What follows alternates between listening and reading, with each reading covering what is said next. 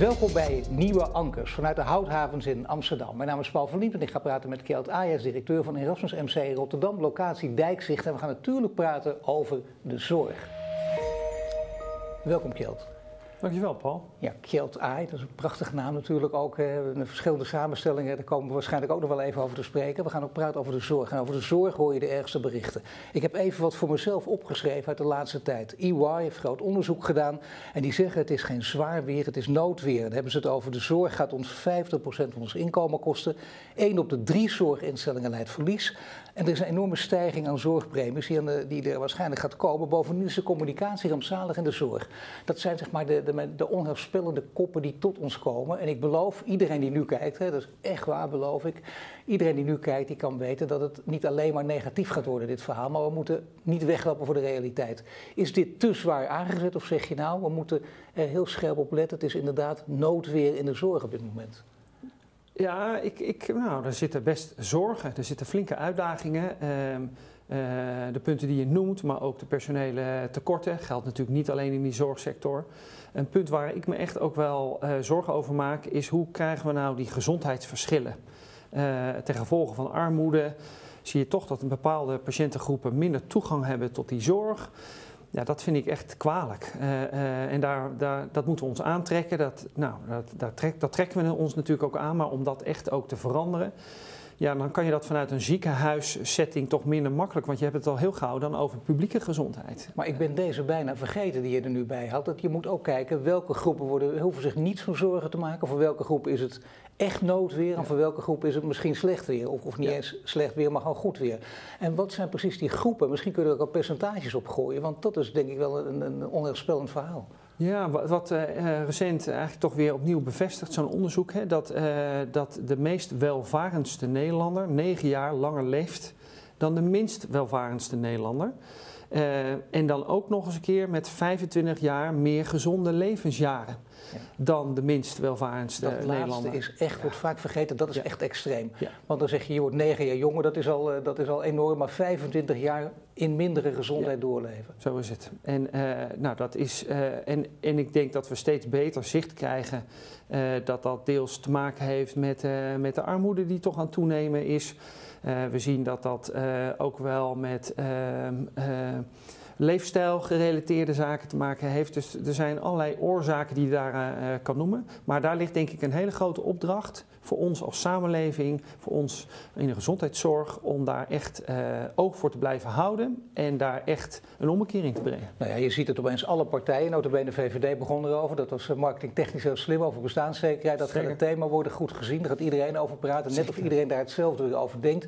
Dat is natuurlijk niet waar, dat, daar moeten mensen hopelijk echt, dat ik denk dat bijna iedereen het ook al doet, doorheen prikken. Hè? Die, ja. die zien dat, dat, dat, en wat bedoel je dan en hoe dan, wat ben je precies van plan? Ja. Als het over zorg gaat, is er nogal wat aan de hand, want ik noem dus al die zaken die, die, die je onder nood weer kunt scharen. Ja. Jij voegt er nog een belangrijk aan toe.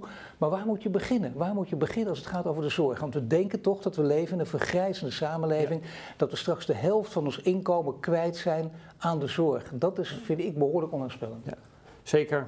Uh, het wordt wel eens uh, vergeleken met een koekoksjong. Hè? Dus uh, die zorg eet eigenlijk het budget van het onderwijs op, van defensie op. Uh, en het blijft maar groeien. Dus daar moet echt een halt uh, toegeroepen worden. En uh, ik denk dat dat kan hoor. Dus, ehm, omdat ik namelijk ook zie de afgelopen jaren hebben we steeds meer geld in de zorg gestopt. Maar het is een beetje de wet van de vermeerderde meeropbrengst. Hè? Dus op een gegeven moment heb je een, een fase bereikt dat als je daar meer geld in stopt, dat dat niet per se tot meer kwaliteit leidt of betere uitkomsten. Uh, en dan heb je te maken eigenlijk toch met verspilling. Uh, ik, ik, las dat de Raad voor uh, de Volksgezondheid had een onderzoek laten doen en die stelt in hun rapport dat er 23 miljard aan verspilling in de gezondheidszorg, Nederlandse gezondheidszorg, dus niet alleen ziekenhuizen, maar breed, omgaat. Dus ja, daar ligt misschien ook wel een deel van de oplossing. Hè? Maar waar zit die verspilling dan in? Die verspilling zit in het feit dat uh, systemen die wij in Nederland neerzetten uh, slecht met elkaar praten. Dus dat betekent dat er heel veel extra werk uh, is. het heeft te maken met hoe ons zorgfinancieringsstelsel in elkaar zit. Hè. De registratie van diagnose-behandelcombinaties, DBC's. Dat is een manier van, waarop een ziekenhuis toch uiteindelijk een factuur kan sturen richting de verzekeraar. Ja, dat vraagt hele afdelingen in ziekenhuizen om die registraties ook op orde te krijgen. dus dus daar, daar, daar lekt als het ware toch eigenlijk best wel veel geld naartoe. Voor de duidelijkheid, dat is iets heel anders dan dat we efficiënter, nog efficiënter moeten gaan werken. Dat is jarenlang de roep geweest, maar die was killing. Want die leidde ertoe, als je bijvoorbeeld bij de huisarts kwam, dat heet dan in jargon het eerste lijns hulpen, zonder doorverwijzing. Dat is de, met doorverwijzing is de tweede lijn. Dus de eerste lijn bij de huisarts. Het gesprek duurt zes minuten. Ik heb het ook meegemaakt. Ik denk, wat is dit? Ik ben net begonnen en ik moet er weer weg. En je ziet iemand al nerveus op zijn klok kijken. En ik begrijp het ook vanuit de huisarts, een man of vrouw natuurlijk. En dan weet je het ook niet. En wat, wat, wat, moet er dan gebeuren? Dat wil je ook niet, die efficiëntie. Nou, en je ziet, ehm, eh, we hebben natuurlijk in Nederland toen met marktwerking gekozen om zogenaamde min-max tarieven vast te stellen voor een bepaalde behandeling. En, uh, en, en dat had een logische reden om dat te doen. Want je wilde eigenlijk dat je in Nederland niet uh, bij de ene plek een veel duurdere behandeling had dan diezelfde behandeling ergens anders in het, in het land. Je wilde graag uh, dat, dat er transparantie kwam over, over die kosten. Dus dat was allemaal heel logisch vanuit dat, dat tijdsperk en dat denken. Wat je inmiddels ziet, is zeg maar dat, dat het dus negatieve consequenties heeft voor kwaliteit. Dus als, als je een mintarief hebt, wat eigenlijk niet dekkend is voor de zorg die je levert, dan zie je dat je vaak concessies gaat doen aan de kwaliteit van zorg. Wat je ook ziet, we hebben hele uh, afdelingen nodig om eigenlijk die tarivering gewoon nou, bij te houden, dat in de gaten te houden. Uh, ja, daar lekt denk ik wel heel veel energie in weg. En, uh, en alleen al het proces van zorginkoop is ook zo mooi. Uh, we gaan nu eigenlijk weer de gesprekken met de verzekeraars. Nou, dan heb je natuurlijk vijf verschillende partijen in Rotterdam waar je toch contracten mee moet afsluiten. En elk contract is net wat anders. Bij het ene heb je een open eind, de andere is er een plafond afgesproken. die heeft dit tarief voor deze ingreep, die heeft dat tarief. Nou, dat maakt het zo'n spaghetti complex om daar goed op te kunnen sturen. Dat ik langzamerhand wel uh, uh, van overtuigd ben geraakt dat we misschien in de zorg een aantal dingen gewoon zouden moeten stoppen. Noem eens een paar van die dingen dan. Ik denk dat we zouden moeten stoppen met uh, de DBC-systematiek. dat moet je wel. Uh, je, even, je hebt net uitgelegd, ja. maar even heel goed wat dat precies is. Ja, eigenlijk uh, hebben we gekeken met uh, behandelmethodes.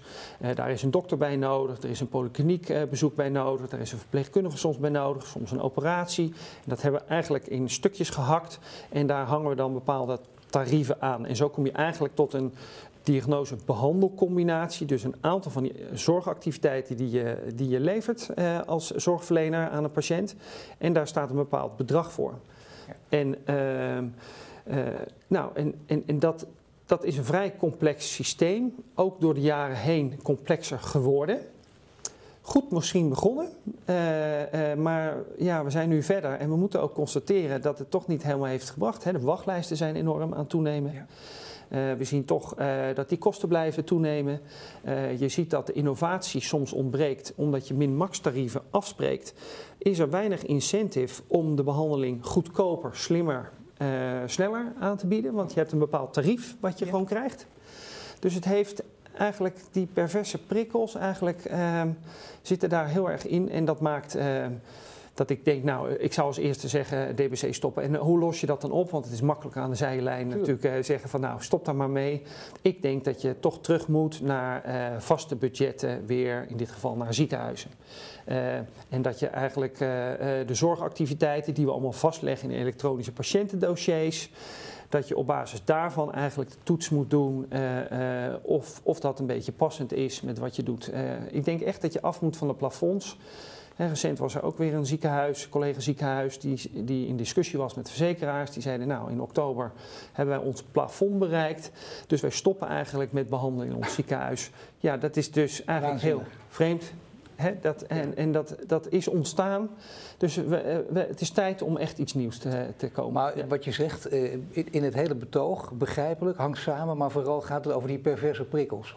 En nu ben ik heel blij dat jij dat nu allemaal zegt, terwijl je nu een functie bent. Je bent nog een jonge man, hè? je ziet er heel vitaal uit uh, en, en, toch al uh, de 50 genaderd zelfs, meen ik. Zeker, van de zomer heb ik de 50 aangetikt. Nou, dus, moet je kijken. Ja. Dat, dat, is misschien iets om straks ook nog even op door te gaan, hoe dat allemaal kan. Hè? Dat je toch nog een beetje vitaal uit kan blijven zien. Maar hier gaat het over de perverse prikkels. En pas een, een hoogleraar, die, die ging met emeritaat en, en die nam afscheid ook als specialist. En die kwam met een woedenboek. En daar herkenden mensen wel veel in. Er stond inderdaad over perverse prikkels. Het ging over die oudere generatie, maar was ook in de 70. Hij durfde dat nu pas te schrijven. Dat zei hij ook. Hij zei er letterlijk bij, een beetje cynisch. Ik hou niet van kamperen. Oftewel, als ik dat had gezegd toen ik nog werkzaam was, had ik kans gehad dat ik mijn baan kwijt was geweest. Maar ik doe het nu, want ik vind het toch een schrijnend iets. En die perverse prikkel is heel simpel, komt erop neer. Ik kom bij de dokter, ik ben nerveus, ik ben niet mezelf en ik, ik voel me helemaal niet goed. Dus ik doe alles wat die dokter zegt. En die dokter die zegt, u moet geopereerd worden, terwijl het helemaal niet nodig is. Die dokter zegt dat omdat hij weet dat hij daar veel meer mee verdient. Ik zeg het maar zo simpel mogelijk, je moet het even plat staan voor de duidelijkheid. Um, wat vind je ervan? Is, is, zit daar een grond van waarheid in, in deze kritiek? Uh, dat denk ik. Uh, ik, ik. Ik deel wel eigenlijk uh, die analyse. waar ik wat moeite mee heb, is dat je op voorhand toch denkt te weten wat de intenties van een dokter is. En ik, ik wil toch eigenlijk gewoon me vasthouden aan het idee dat de meeste mensen deugen. Hè? en dat, ehm, dat het meer het systeem is wat maakt dat er bepaald gedrag komt, dan dat de individuele dokter nou denkt van nou ja, ik ga iets doen wat helemaal niet nodig is. Heeft het ook met generaties te maken? Ik las een column van een huisarts, een vrouw in de Volkshand, die zei mijn man is gynaecoloog en ik riep op de bank, ik heb het boek gelezen, wat kost het eigenlijk die operatie bij jou als gynaecoloog? En hij zei ja, ik heb geen idee. En ze zei ja, misschien komt er, oftewel die man is helemaal niet met het geld bezig, nee, dat, die, die, totaal niet. Precies. En, en, zij zegt dat heeft toch ook te maken met een andere generatie. Ja, ik denk dat dat, uh, uh, ik ben het daarmee eens. Ja, Zeker. Uh, en, en dan haal je het ook weg hè, van uh, uh, de meeste specialisten en verpleegkundigen zitten natuurlijk in hun werk om het zo goed mogelijk te doen. Daarom heb je ooit voor het vak gekozen. Dat, dat is een soort voorliefde om het beste te doen, zeg maar, voor, voor, voor, de, voor je patiënten. Ehm, maar je zit soms wel gevangen, denk ik, ook wel een beetje in de koker waar je in zit. Ehm, en als je niet oppast, dan zit daar een soort bias in waarin je eigen denkpatroon eigenlijk leidt van ja, opereren is het beste. Uh, en soms zijn er alternatieven. En daar moet je voor openstaan. Dat vraagt dus ook iets van je persoonlijk leiderschap. Maar wat staat dichter bij de werkelijkheid? En de vraag die ik nu stel heeft inderdaad met wereldbeeld te maken, maar toch, uh, het beeld staat wel uh, geprojecteerd op, op mijn mijn oogvlies, omdat ik dat uh, al jarenlang meemaak, de Landelijke Specialistenvereniging. En dan wordt dat minder inderdaad, omdat de jonge generaties aan de macht komen, maar dat was heel vaak toch ja. boos als ze minder geld kregen, niet een loondienst willen, want ja. dan krijgen we nog minder geld. En het ging dan vooral over nou, dat clichéverhaal van de specialist, de, de arts. Ik ben uh, groot ego en gek op status. En dus ook uh, bijbehorende financiële vergoedingen. Dat is ook een clichébeeld, maar het andere beeld is van, hè, dat jij schetst van, van de, de, arts die dat juist doet omdat hij de eet gezworen heeft, omdat hij mensen beter wil maken en het beste met de mens voor heeft. Wat is het dichtst bij de praktijk? Want je staat er middenin al jarenlang. Ja, als ik rondloop op de afdelingen en uh, met mijn collega's in gesprek ben, of dat nou verpleegkundige of het medisch specialist is, dan is de verreweg de grootste groep wil het echt goed voor patiënten doen. Maar ze worden toch soms ook wel een beetje in de weg gezeten uh, door, door het systeem, door de, de regels. Een mooi voorbeeld. Uh, uh, misschien komen we daar straks nog wel op. In het ISA-rapport wordt heel erg opgeroepen. Nee, dat mag integraal wel, zorgakkoord. ISA-rapport. Ja, sorry. Integraal, integraal zorgakkoord. Ja. Uh, wat gesloten is eigenlijk met verschillende uh, partijen, huisartsen, verschillende verenigingen, beroepsverenigingen. van jouw voormalige baas Ernst. Zeker, ja. zeker. En daar wordt opgeroepen om toch meer uh, samen te werken. En ik ben het daarmee eens. Uh, het is niet zo dat er niet wordt samengewerkt, maar veel van de samenwerking wordt in de weg ge, uh, gezeten door hele strenge privacyregels. Ja. Of wordt in de weg gezeten door btw-beperkingen. Op het moment dat je een bepaalde activiteit van het ene ziekenhuis naar het andere ziekenhuis, dan moet er in één keer btw over afgerekend worden. Daarmee wordt dus het duurder. Um, wat je ziet is ook uh, de autoriteit consumentenmarkt als het gaat over mededingings. Uh, uh, dus eigenlijk die zaken die zitten toch in de weg om Die specialist die zegt, als ik gewoon uh, zo samenwerk, dan zouden we eigenlijk dat zorglandschap beter kunnen inrichten. Dat is in de praktijk dus vrij ingewikkeld. En dat is mijn kritiek ook een beetje op het ISA-rapport. Het is makkelijk om vanuit de zijlijn daar iets over te zeggen, maar dat je zegt, het ontbreekt eigenlijk aan die spelregels om het dus ook tot effect te kunnen brengen. Dus je kan zeggen, je moet meer samenwerken, maar als je de barrières niet weghaalt, ja, dan, dan is dat dus een soort, soort hele moeilijke uh, opgave. Uh, en vervolgens ook uh, op handhaving gaan letten, kijken of het ook ja. echt gebeurt natuurlijk en kijken wat er, wat er werkt mee gebeurt. Dat zie je heel vaak. En dan blijft het alleen maar bij mooie intenties. Ja. Maar dit is wel essentieel, want je zegt, kijk, je bent het eigenlijk met, met dat, dat integraal zorgakkoord eens. Alleen dit is jouw kritiek erop. Hoe ja. wordt het uitgevoerd? Daar gaat het dan eigenlijk om. Dat betekent wel dat, dat dit wel kan leiden tot een echte systeemverandering. Dat zeggen mensen namelijk heel vaak, systeemverandering. Dan denk je, ja, welk systeem dan? Wat bedoel je dan? Als ik daar een etiket op plak, betekent het dat het uiteindelijk neerkomt op dat we, voor het gemak even en voor de duidelijkheid, dat het oude systeem was, de markt is de baas ja. en het nieuwe systeem is de overheid of het ziekenhuis zelf de baas. Ja, en ik denk, denk in dat laatste uh, dat dat dus ook ruimte geeft weer voor uh, um, individuele uh, particuliere initiatieven. En waarin je dus eigenlijk een veel gezondere beweging krijgt om ruimte te geven aan partijen die het slimmer of goedkoper kunnen doen. Maar wat voor partijen kunnen dat zijn dan?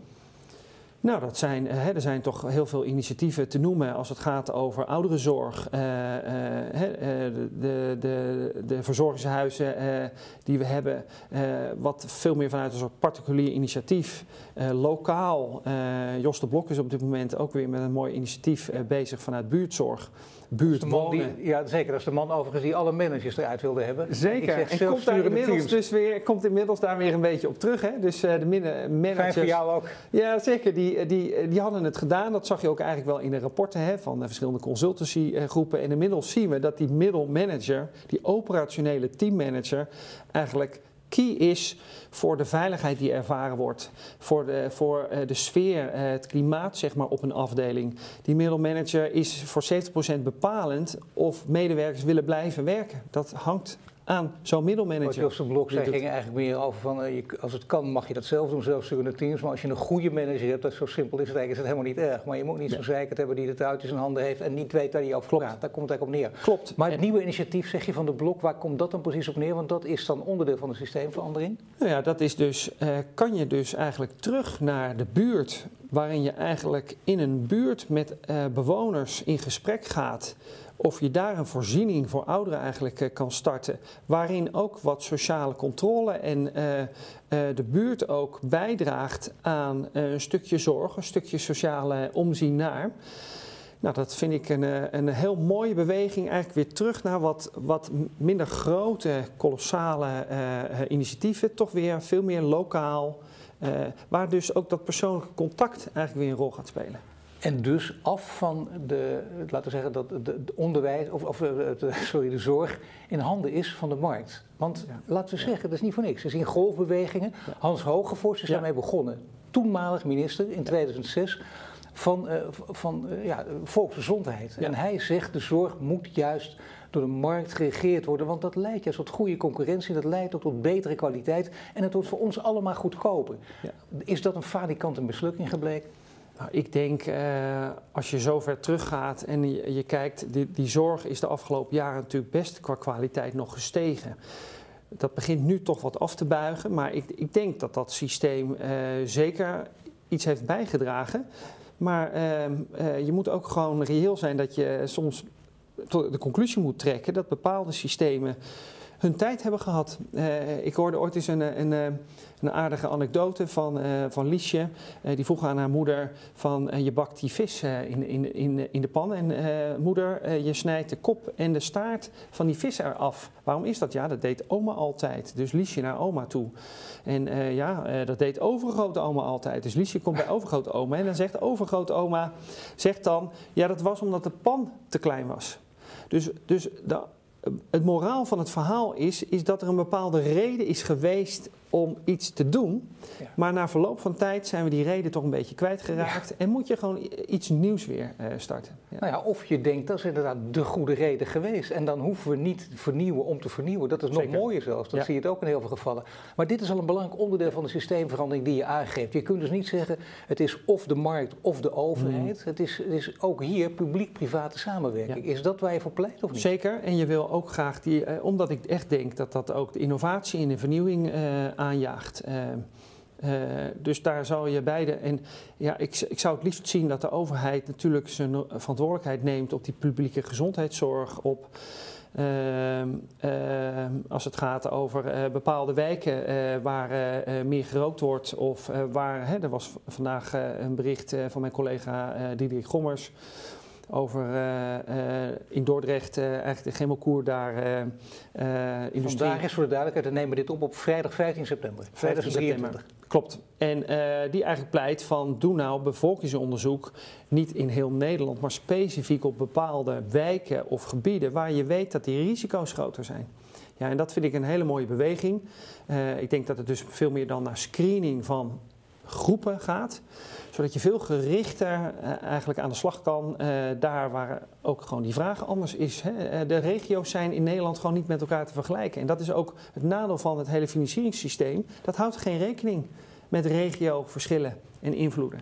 In bepaalde regio's heb je misschien wat andere type zorg nodig. Of zou je dat beter moeten financieren dan in andere regio's? Ja, dan krijg je natuurlijk toch weer dat mensen gaan roepen: pas op dat je niet discrimineert. Of Ja. welk label je daar ook op plakt. Maar dit is gewoon, zeg je, dit is puur op feiten gebaseerd. Zou je Ja. dat wel moeten doen, want dat is wel op een goede manier efficiënter.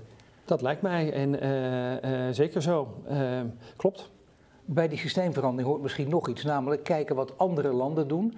En dan kun je bijvoorbeeld denken aan eh, wat is beter? Eh, dat ik, eh, ik, ik ben ziek, ik heb iets, bijvoorbeeld een, een gruwelijke ziekte, een vorm van kanker.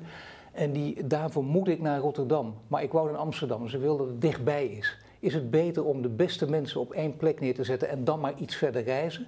Of is het beter om op alle plekken in het land te kijken hoe je zo dicht mogelijk bij huis geholpen kan worden? Ja. Ja, je doelt op de concentratie hè, van bepaalde zorgactiviteiten. Ja, ik denk zelf dat het verstandig is eh, als, als een bepaalde behandeling te weinig voorkomt en je wil daar vaardig in blijven als specialist, je wil je kwaliteitsdoelstellingen eh, realiseren, dat je een bepaalde exposure nodig hebt om daar goed in te zijn en te blijven.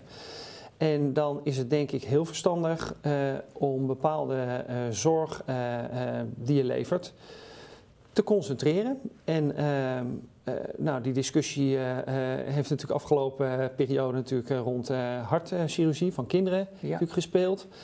Eh, nou, dat geeft natuurlijk ook veel emotie, want dat is bijna existentieel. Hè? Je hebt jarenlang op locatie aangewerkt en nu wordt er toch dan aangegeven, nou, dat, dat gaat weg bij jouw locatie en dat wordt ergens anders in, in Nederland gepositioneerd. Ik begrijp wel heel goed eh, die emoties die daar omheen zitten, maar als je terugkijkt, even uitzoomt.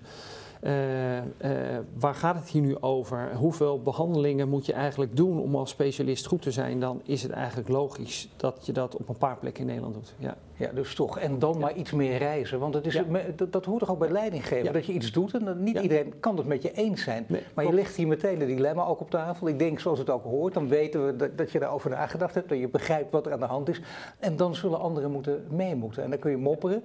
En er zijn altijd mensen die dit niet leuk vinden. Maar uiteindelijk alles afwegen, is dit dus het beste. Nou ja, zeker ook omdat eh, de zorg nog steeds lokaal kan. En dat is in dit, deze discussie wel eens naar, naar de achtergrond eh, verdwenen. Maar dit ging specifiek over de chirurgische operaties. Eh, maar ehm, eh, dus het beeld dat eh, de collega's uit Amsterdam nu naar Groningen of naar Rotterdam met hun kindje moeten, dat geldt alleen maar voor dat stuk als er een operatie nodig is. Voor al die andere zorg is er een vangnet gewoon lokaal. Dus, je, dus je knipt eigenlijk een bepaalde activiteit, zorgactiviteit eruit en die concentreer. Stel dat ik het niet met je eens was, Ja. dat doet er eigenlijk helemaal niet zo toe, maar ik zou nu door dit verhaal overtuigd zijn, dan zou ik nog overtuigder worden van het hele nieuwe systeem dat jij nu eh, stapsgewijs aan het schetsen bent, als je, wat ik net al zei, naar het buitenland zou kunnen kijken Ja. of het ergens het beste gaat? Is er een land dat ons ten voorbeeld staat? En heel vaak lees en hoor ik natuurlijk het voorbeeld, jij ook, van Denemarken. Ja, dat is het Deense model. Of het over trouwens de arbeidsmarkt gaat, de, de, energietransitie of over de zorg. Altijd ook naar Denemarken gekeken of een ander Scandinavisch land. Is het Deense model, kun je daar iets over vertellen? En of dat ook echt inderdaad een voorbeeld voor ons allen is? Nou, wat ik mooi vind van het Deense model is dat ze eigenlijk een goede oplossing hebben gevonden. Wat ik noem de fragmentatie van zorg. Uh, in Nederland heb je, kan je als ziekenhuis een verschillend elektronisch patiëntendossier kiezen. Dat betekent dat we een aantal uh, verschillende systemen hebben. Die systemen praten niet makkelijk met elkaar. Uh, dat maakt dat uh, we hele gebrekkige gegevensuitwisseling hebben. Uh, we zagen dat eigenlijk ook tijdens de coronatijd, dat het toch in Nederland heel moeilijk was om de goede data boven te halen. Want dat zat in verschillende systemen. In Denemarken zie je dat eigenlijk de ziekenhuizen allemaal één data management systeem hebben. En dat betekent dat waar je ook bent in het zorgsysteem, uh, je dezelfde informatie hebt. Dat betekent dat je dat niet hoeft over te typen, uh, dat je niet uh, tekort aan informatie hebt. ja, ik ben daar wel heel erg van gecharmeerd. dat is heel belangrijk. Je ziet in de rechtspraak precies hetzelfde. Daar worden de mensen natuurlijk helemaal gek van. Dat is je dagelijkse werk. Dat moet op orde Binnen politie Nederland zag politie. je natuurlijk precies hetzelfde. Ja, ja. Maar is het, is mogelijk? Kunnen wij dit in Nederland snel oplossen? Want je, je moet er ook eerlijk in zijn. Ja. Ja, ik denk dat dat uh, mogelijk is, maar dat gaat niet zonder uh, met industriepartners uh, rond de tafel te zitten. Ik denk dat je daar ook in de wet een aantal zaken zou moeten vastleggen. en, en, en je moet gewoon, denk ik, heel erg sturen op standaarden. Dus je, ik denk dat het hier in Nederland toch soms te veel nog ontbreekt aan standaarden. Uh, dus wat is de standaard uh, hoe je informatie eigenlijk uh, moet delen of hoe open je eigenlijk die informatie beschikbaar stelt? Ja, ik denk dat het heel erg gaat helpen als daar echt iets over gezegd wordt. Ja. Maar wie moet dat doen? Er is altijd wel een groep natuurlijk die dan begint bijvoorbeeld over privacy. Er zijn zoveel mogelijkheden. Er zit ook heel veel belangen achter softwareontwikkelaars. Wie kan hier het meeste geld mee verdienen? En dan moet het toch net weer ergens anders. Dit moet gewoon simpel. En je moet kijken naar de mensen die er altijd mee om moeten gaan. Hoe, hoe die het goed uh, voor elkaar kunnen hebben. Zeker. En eh, dat kan je dus eigenlijk niet met één partij. Dat kan niet alleen met de overheid. Dat zou je dus ook met de zorgprofessionals in het werkveld moeten doen. Uh, dat zou je ook met industriepartners moeten doen. Uh, ja, maar dan moet je ook eerlijke boodschap geven en zeggen dat, dat je dit wil, maar dat dit Zeker. wel tenminste drie, vier jaar duurt. Zo is het. Uh, ik denk dat dat nodig is, want die transities zijn natuurlijk enorm. Uh, ook, ook in die zorg, om dat allemaal om te zetten. Maar uh, ik denk dat dat naar de toekomst toe echt gaat helpen. Ja. Ja, nou ja, goed, maar het helpt ook als je dat als leidinggevende dus uh, niet net doet alsof dat binnen een half jaar kan. Want dan staan ze om een half jaar bij en dan denken ze die man is onbetrouwbaar. Jij zegt dit is heel vervelend door de zure appel heen bijten, maar dan staat er ook iets heel moois te wachten. Nee, zeker. Dat, dat vind ik ook spannend eigenlijk met uh, de nieuwe verkiezingen die natuurlijk uh, voor de deur staan van uh, een periode van vier jaar kan zomaar te kort zijn om echt die grote transities uh, te maken in, in het huidige zorgstelsel. Je wil ook niet roekeloos zeggen het moet nu allemaal anders en nu stoppen we. Je moet daar heel goed over ja. nadenken. En dat kan eigenlijk alleen maar als je goed de business begrijpt en wat is ook de grondoorzaak van de problemen die er nu zijn. Maar wordt er te veel geroeptoeterd dan? Eh, want dat zie je met name tegen in de verkiezingstijd. Ja. Dat begint nu natuurlijk al te komen. Maar dat is ook vaak ergerniswekkend natuurlijk. Want uh, lul maar raak. Ja, ik, ik denk inderdaad, uh, het is mooi om te zeggen, we gaan het nu allemaal anders doen. Maar uh, vaak ontbreekt toch een beetje de hoe. Hè? Hoe doe je het? Dus er wordt ja. veel gezegd wat we gaan doen. En dat is mooi, daar sta ik ook achter. Maar het ontbreekt aan het hoe. Dat is eigenlijk ook bij het Integraal Zorgakkoord. Uh, wat daarin staat is gewoon uitstekend. Meer richten op preventie. zorg doen daar, hè, dicht bij huis, daar waar het kan. Uh, is natuurlijk een hele goede beweging. Maar dan zou je dus ook de randvoorwaarden moeten creëren, de spelregels. Ja, maar is net als dat je zegt, dat klinkt heel braaf. Hè? Dat doet dan iedereen. Ik ben voor rechtvaardigheid en voor vrede. Dat ah. zie je dan uiteindelijk in die rapporten. Dan denk je, ja, wie is, daar, is het daar niet mee eens? Dat snap ik. -huh. Het gaat om dat hoe, dus je moet ook de, de boodschap brengen. Daar zal niet iedereen blij mee zijn. Nee. En het gaat ook lange duur hebben om met meer partijen te maken. En dat is ook dus logisch. Ja. Dat mag je ook vertellen. Mensen die daar dan tegenaan gaan schoppen, die zijn gek. Ja. Ja, en, en, en dat is dus, hè, dan gaat het dus niet zozeer dat we nog meer kennis hebben. En we hebben denk ik in Nederland helemaal geen kennisprobleem. We hebben een implementatieprobleem. En uh, we vinden het heel ingewikkeld om, om veranderprocessen door te voeren. En dat gaat over gedrag. Dus ik denk dat we veel meer gedragswetenschappers en sociale wetenschappers eigenlijk aan ons zouden moeten binden. Waar je eigenlijk hè, multidisciplinair of misschien wel transdisciplinair, hè, dus over verschillende velden heen ehm, eh, met elkaar ehm, ja, dat echt doordenkt. Maar het heeft ook wel uh, je hebt ook wel een klein beetje druk nodig. Ik vind ook zelf wel, uh, uh, zonder die druk gaat het niet bewegen. Dus ergens een standpunt, dit is het pad, wat heb jij nodig om hier mee te gaan? Maar dit is wel de richting. Hè? En hoeveel zijn we dan uiteindelijk, als we heel reëel denken, zijn we dan kwijt in een ideale samenleving? Voor onze zorg. Want daar gaat iedereen toch een beetje rekenen. En dan denk je, zorg is ook duur, dat is ook heel belangrijk. Vergrijzende samenleving, dat kun je niet alleen maar aan jonge generaties overlaten die voor ouderen moeten betalen. Wat is reëel? Wat ben je kwijt? Niet de helft van je inkomen, dat is echt waanzinnig. Maar hoeveel is wel reëel?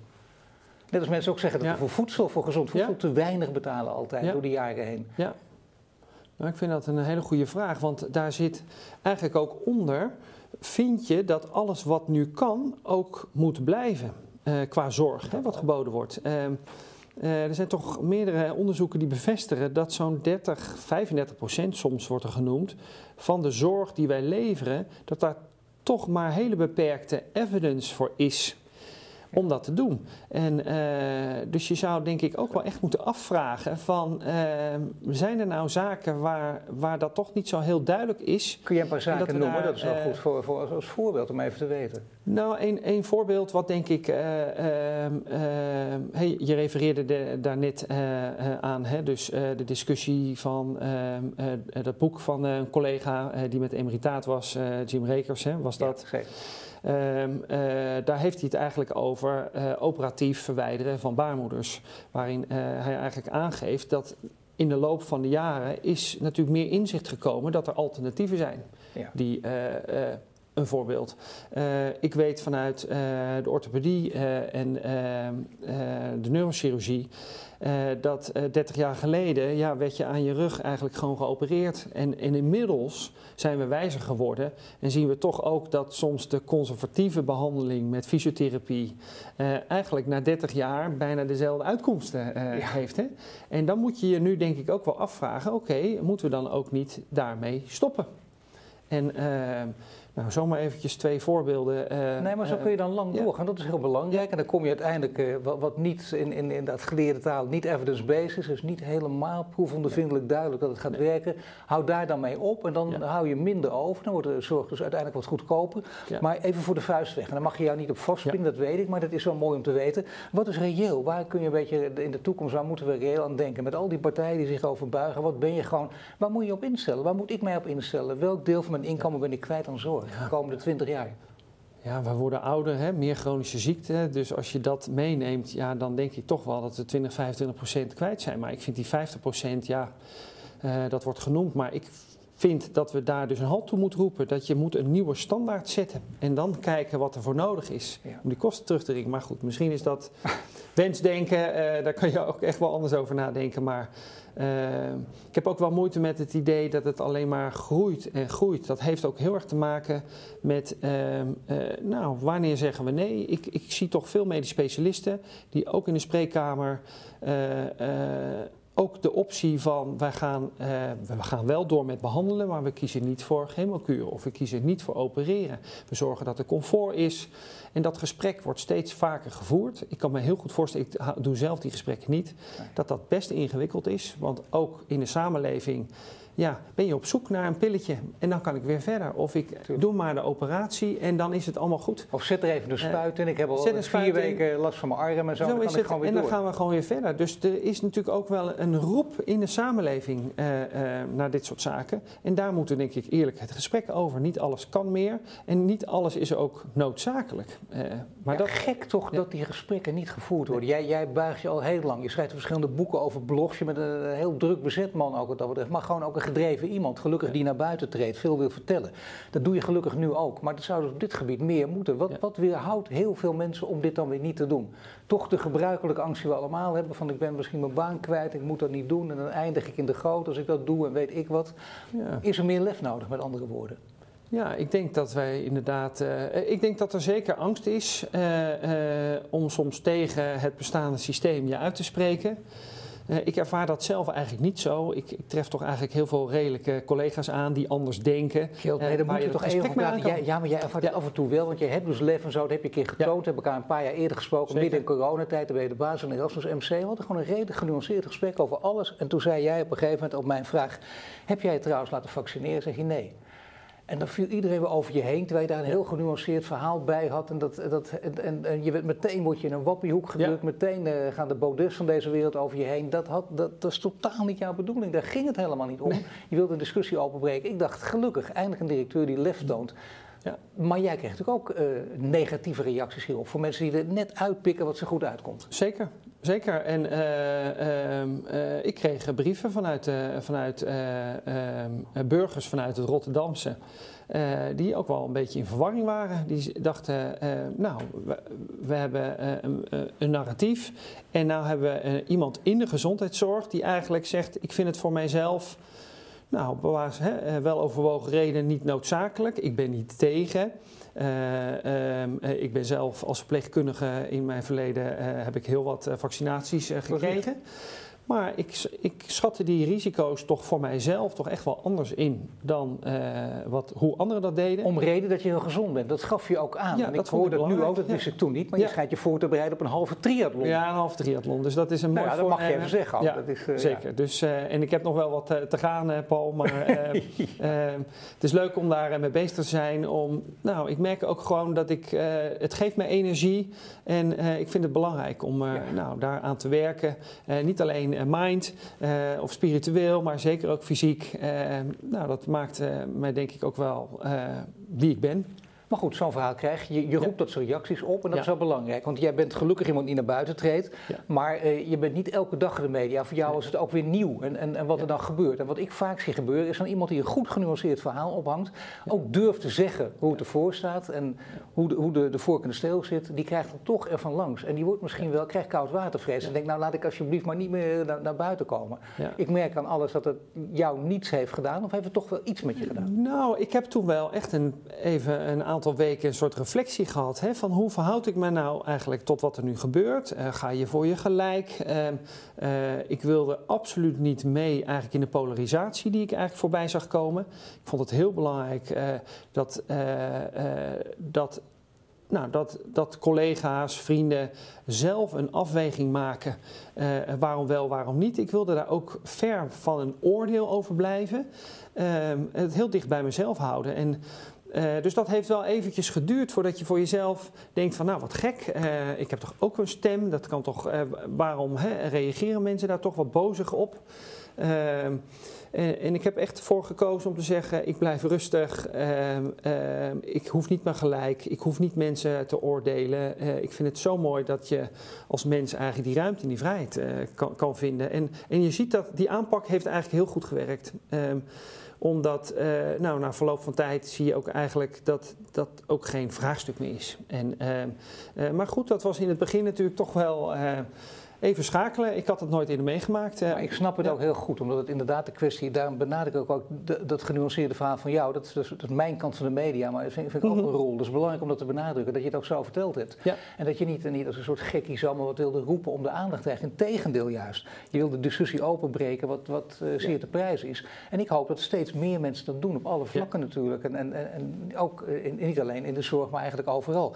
Is het jouw indruk dat mensen wel meer durven en doen? Want uh, geweldig dat zo'n professor dan zo'n kritisch boek schrijft. Maar ja, wel iemand die uh, toch een beetje laf, hè, die doet het dan weer uh, nadat hij, uh, die, de beker heeft de angst. Hij doet het pas nadat hij is opgehouden, bang ja. voor zijn baan. Ja. Zou ik meer mensen aanraden, gewoon een boek schrijven als je midden in het, in het vuur staat? Ja, ik denk dat, dat, dat daar echt ruimte voor is. Uh, uh, zonder dat dat de enorme negatieve consequenties heeft uh, die je net noemde. Hè? Dat je uiteindelijk eh, belandt in een, in een caravan of iets dergelijks. Ja, daar maar... maken met name de top ja. van Nederland zich wel druk over. Merk ik ja. van off-direct gesprekken. Ja. ja. we leven nou die cancelcultuur. Ik zou normaal gesproken tegen mij ook, Paul, wil tegen jou willen vertellen, maar nu even niet. Ja. dan, dan wordt het eh, niks, denk je dan. Nee, ik denk dat dit dus juist nodig is. Jij noemde net lef. Die moed, dat is, dat is denk ik nu nodig om toch een beetje, nou, misschien is het een beetje tegen de stroom in, uh, uh, maar wel genuanceerd, zonder je gelijk te willen halen, maar wel dat tegengeluid geven. Ik denk dat dat maakt ook dat die balans beter in die samenleving terugkomt. dat die polarisatie, ik zie ik, ik, zie natuurlijk, dat was natuurlijk in de overheid, je zag dat zeg maar in bedrijven ook, hè, zij van de raad van bestuur of zij van IT. Hè, dat is eigenlijk een vorm van toch een soort polariseren, omdat dat vertrouwen eigenlijk aan het afbreken is, brokkelen is. En ja, ik ben eigenlijk uh, altijd heel erg gegrepen door uh, mijn hele procesoptimalisatie. Uh, omdat dat niet over tools gaat, maar eigenlijk ook weer over mensen. Van hoe breng ik nou eigenlijk uh, dat vertrouwen weer terug eigenlijk bij de zorgprofessional. En dat betekent dat die zorgprofessional moet zich verbonden weten met nou, de doelstelling van de organisatie, maar ook zijn leidinggevende. Die moet uh, zijn creativiteit kwijt kunnen en niet te veel worden afgeleid met taken waarvan je zegt dat kunnen anderen beter of sneller of slimmer. Uh, en, en als je die betrokkenheid van je medewerkers omhoog wil hebben, dan, ja, dan, dan moet je daarvoor staan. En uh, nou, nou, ik merk gewoon dat is bijna een soort persoonlijke missie. Hè? Daar ging mijn proefschrift natuurlijk over en ik heb dat vastgehouden. De meeste collega's stoppen naar hun promoveren en denken zo, dat heb ik gehad. Vier lang, een hoop, uh, hoop, tijd en energie. Maar ik heb dat vastgehouden omdat ik echt zie, uh, je kan daar eigenlijk dat, dat tegengeluid uh, om balans weer te krijgen, ook in die polarisatie, die er gewoon is en niet morgen gelijk natuurlijk weg is. Maar daar gaat het uiteindelijk proefschrift over, maar daar schrijf je ook veel over. Onder andere een boek ter observatie met heel veel voorbeelden uit de praktijk gehaald. En dat maakt jou ook bijzonder, dat je natuurlijk beide kanten ook kent uh, uit die zorgwereld. En dat is echt een hele sterke natuurlijk.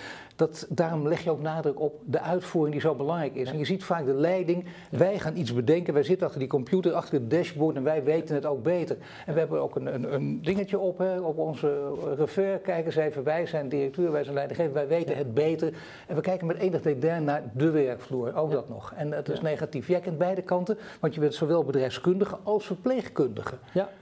En inderdaad, dan weet je dus ook wat de noden zijn van de verpleegkundigen, die ik regelmatig echt heel vaak hoor. En ja. altijd komt er op hetzelfde neer. Gelukkig wordt het vaak verteld, maar vooral die administratieve ja, lasten. Verlos ons alsjeblieft ja. daarvan. Laat ons ons werk gewoon weer doen. Vertrouw op ons als professional. Ja, Nee, zeker. Uh, wat je ziet is eigenlijk ook dat ik zie te veel leidinggevenden die eigenlijk leidinggevende worden. Uh, of hè, voor die promotie gaan, omdat ze eigenlijk een beetje klaar zijn met het gedoe van de werkvloer. Ja. En dat is nou net de verkeerde beweging, omdat ik denk, je kan eigenlijk alleen maar, dat is iets waar ik ook echt in sollicitatiegesprekken op let. Ik wil weten van een leidinggevende of een manager uh, die solliciteert, hou je van mensen? En als je dus de beweging maakt om te zeggen, nou ik ben wel klaar met dat gedoe van die werkvloer, dan ben je dus in mijn ogen geen goede leidinggevende. Want dan, dan is daar afstand, dan ontstaan, staat dat silo-denken, eh, dan ga je vanuit een kantoor bedenken hoe de verpleegkundige of de polykliniekassistent moet werken. Uh, dan raak je de verbinding kwijt, je, je, je managt eigenlijk de zaak kapot. Uh, uh, en, en die liefde voor dat vak moet terug. En uh, nou, dat kan eigenlijk alleen maar als je dus liefde voor mensen hebt. En graag met nou, je medewerkers dat, gewoon dat gesprek en ook kwetsbaar bent. En dat je zegt, ja, ik heb eigenlijk geen antwoord, ik heb geen oplossing. Maar hoe kunnen we samen misschien met, met collega's daar dan verder het dialoog over gaan? er moet toch en iets ook, gebeuren. ook elkaar waardeert in, in, in, wat je kan. En elkaar dus daar ook in vrij laat. Je ziet nog steeds het hoger, laag opgeleide. En we gaan nu praten over, over de praktisch en de theoretisch opgeleide. Dat helpt al iets. Ja. Er wordt al jarenlang gesproken over, over haal het stigma van het MBO, over het afvoerputje van de samenleving. Hoe is het ja. mogelijk dat 40% van Nederlanders daar in, werkzaam zijn? heel erg belangrijk. Politie, wat dan ook, op alle gebieden, verpleegkundigen, dus onderwijs. Uh, die mensen heb je allemaal nodig letterlijk de backbone van de samenleving. Toch heel gek dat een deel daar afstand van meent te kunnen ja. nemen door er met dit over te praten. Ja. Nou, ik merk zelf als ik terugga, eh, toen ik eh, klaar was met mijn middelbare school, wilde ik graag geneeskunde doen. Dat moet je voor ingelood worden, numerus fixus, ben uitgelood. En toen ben ik uh, aan de medische faculteit in Leiden, ben ik biomedische wetenschappen gaan studeren. En,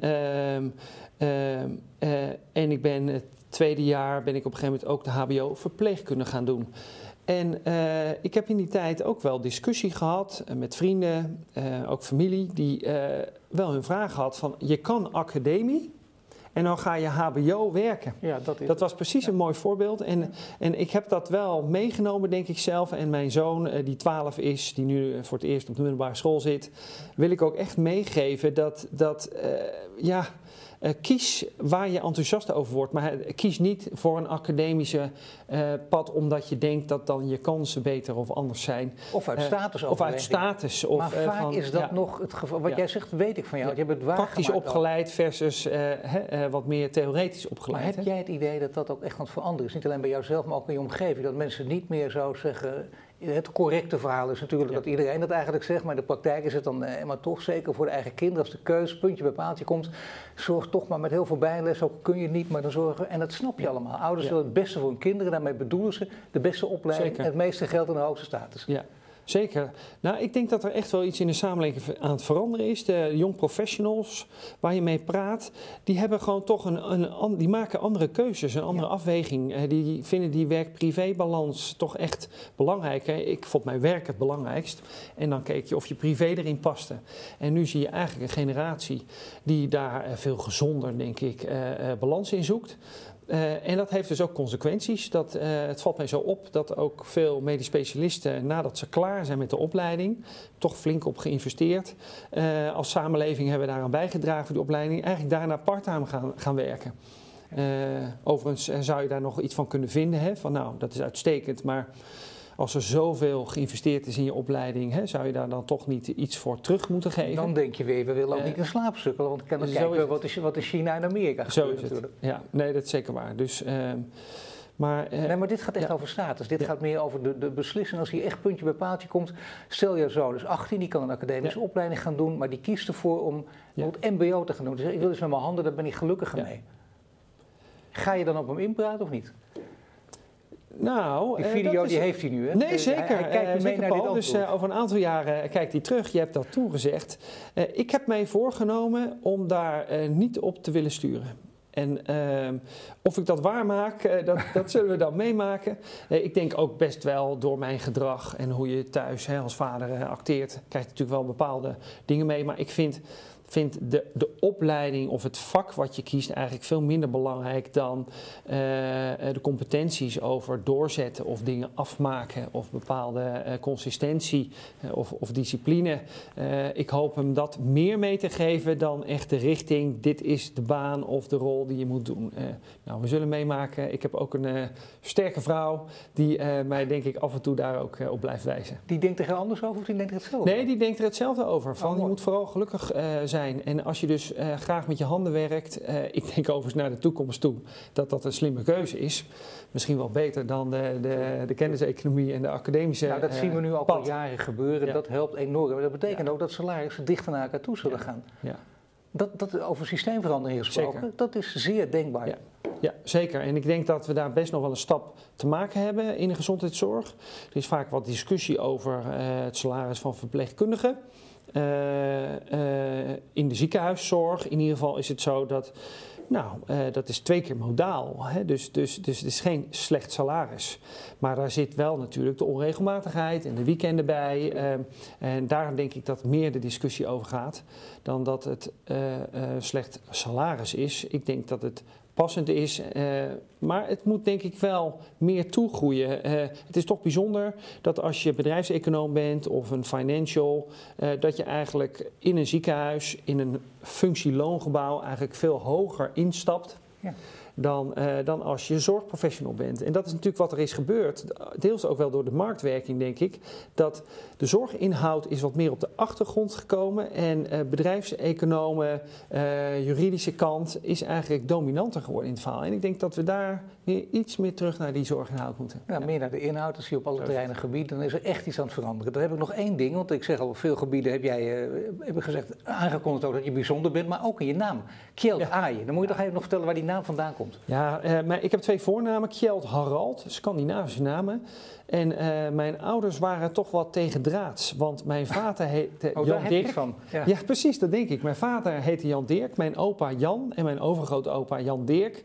Dus die besloten toch om eigenlijk die familietraditie te doorbreken. En volgens mij ha- had je in die tijd had je een duo op klarinet en saxofoon, Jan en Kjeld. Oh, ja. En ik denk dat, ze, eh, dat, dat heb ik me laten vertellen, dat daar eigenlijk die die Scandinavische naam. Mijn zus heeft twee Engelse namen, Joyce, Fiona. Dus ja, en, en, dus, dat, dus ze hebben dat echt anders, uh, anders willen doen. En uh, de achternaam komt uit Frankrijk. Uh, als je toch stamboomonderzoek, kerkenregisters teruggaat, mijn opa heeft dat gedaan. Fantastisch om dan eigenlijk die schema's te zien waar je oorsprong ligt. Dan eindigt de zoektocht rond 1700 in de buurt van Rijms. En daar heb je een, een klein plaatsje, AI, A-Y met puntjes. En dat is toch eigenlijk langzamerhand, ik denk met hugenoten deze kant op, en verpast het naar AIJ. Dus dat is uh, mijn verhaal. Ik heb geen uh, kastelen meer in Frankrijk, uh, maar er is fantastische champagne. Dus ik heb thuis mooie champagneflessen staan met AI. En daarna niet meteen door naar de IC natuurlijk, nee. omdat jij natuurlijk, natuurlijk nee. maar blijft nippen en één glaasje neemt. Nee, dat klopt. Okay. Nee, dat klopt, want ik, ik, ik loop niet heel warm voor alcohol. Nee. Okay. dank je voor dit gesprek. Dank voor, voor de uitleg van je naam natuurlijk en voor de mooie inzichten die je ons geboden. Dank je wel. Dank je Paul. En u natuurlijk hartelijk bedankt voor het luisteren naar dit interview.